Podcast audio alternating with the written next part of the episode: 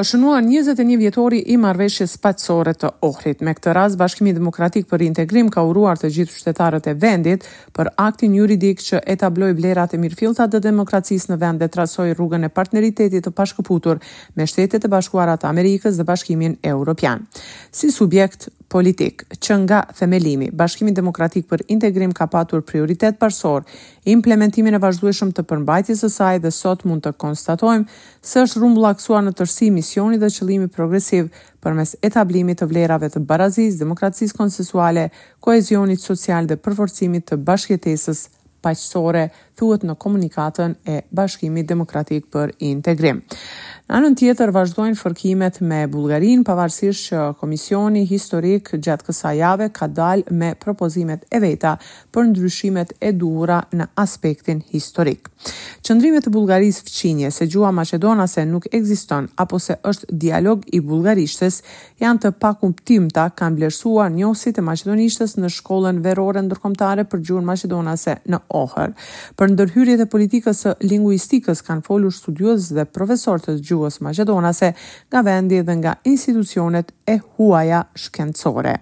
Për më tepër, do të ndjekim deklaratat e tyre, në mesin e cilëve është edhe profesori universitar i gjuhës maqedonase Maksim Karanfilovski. Dijes me vete o. Ne kemi qenë prej kohësh të mësuar dhe të mpirë me sulme të tilla, sepse nuk është asgjë e re.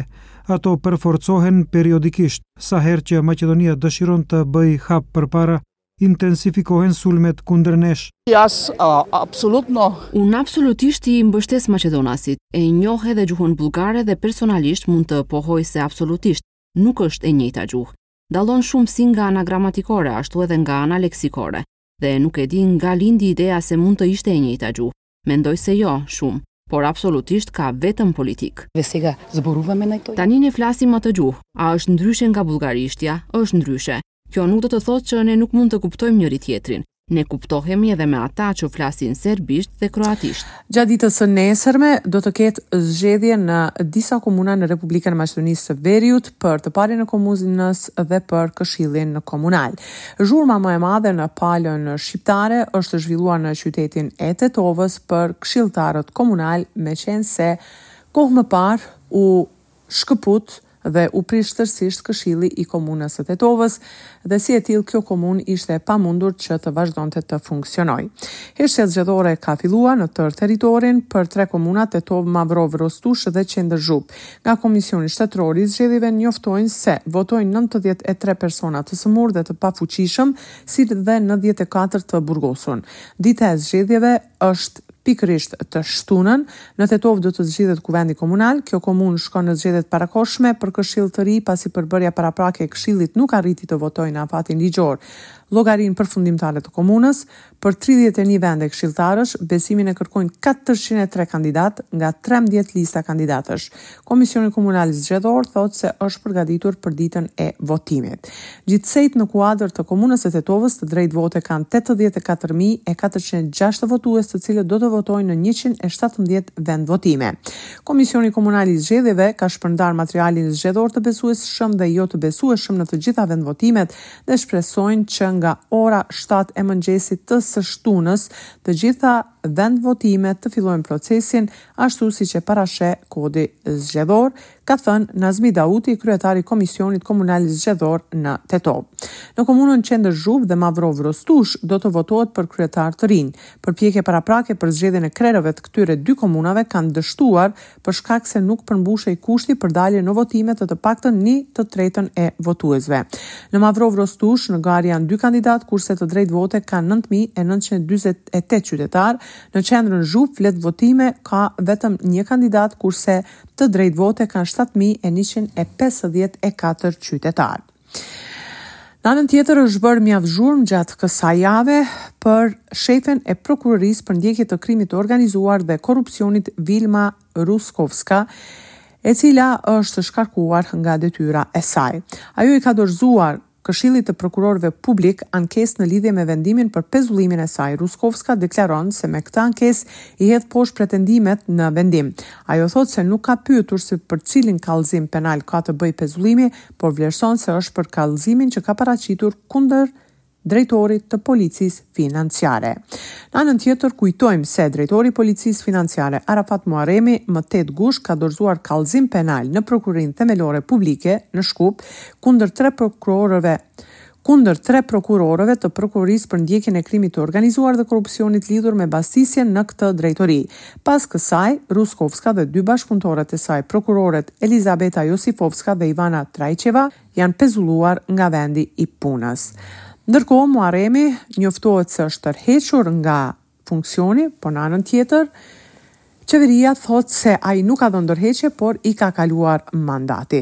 Sidoqoftë, deklaratën e saj lidhur me dështimin e drejtësisë, siç thotë vetë ajo, e ka dhënë Ruskovska. E ndjekim deklaratën. Dali e zakonit pretresot ili ne e zakonit. Nëse bastisja ka qenë apo jo e ligjshme, vendos ekskluzivisht gjykata në bazë të nenit dyqind e nëntëdhjetë nga Ligji për Procedurë Penale.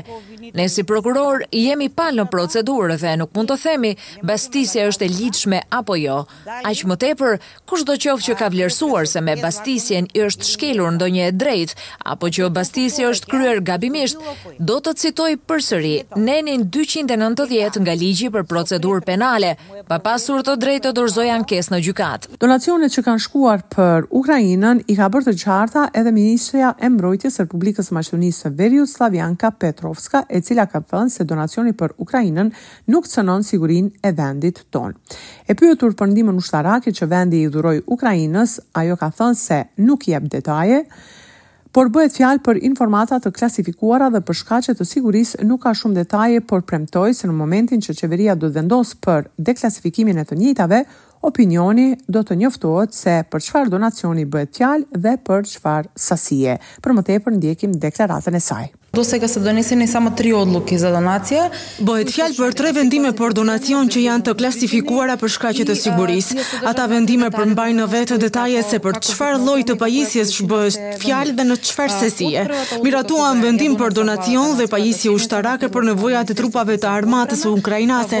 Detaje nuk janë publikuar për shkaqe sigurie, kjo nuk do të thotë se në momentin që do të vlerësojmë se nuk ekziston kurrfarë rreziku në aspektin e sigurisë, ata tre vendime do të deklasifikohen dhe opinioni absolutisht do të mësojë se për çfarë pajisje bëhet fjalë dhe në çfarë sasie kemi donuar. Në anën tjetër, Inspektorati i Arsimit nuk konfirmon nëse ka kryer inspektim të jashtëzakonshëm në Universitetin Shën Kirili e Metodi në Shkup, ashtu siç është njoftuar ditë më parë për shkak të shkeljeve ligjore në kushtet e caktuara nga Universiteti për aplikimin e studentëve të rinj.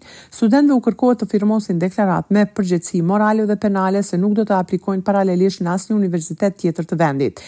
E dyta, atyre u kërkohet të firmosin pajtueshmëri që nuk do t'i kërkojnë dokumentet origjinale që dorëzojnë gjatë aplikimit për të paktën tre muaj, nga Inspektorati i Arsimit, thonë se këto kërkesa nuk janë paraparë në ligj për arsim të lartë dhe se inspektorët do të shqyrtojnë rastin.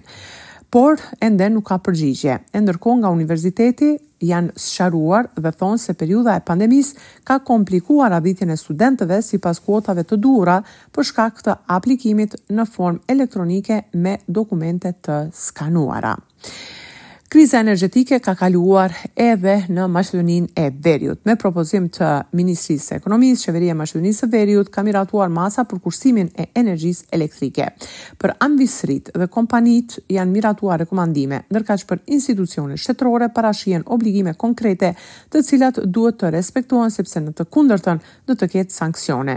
Institucionet shtetërore janë të detyruara që të fikin ndriçimin dekorativ në fasadat e të gjitha objekteve publike dhe monumenteve kulturore, që të mos përdorin ndriçim në hapësira të brendshme dhe zyra të objekteve publike gjatë periudhës kur ka dritë të mjaftueshme të dritës, ka thënë ministri i Ekonomisë Kreshnik Bekteshi.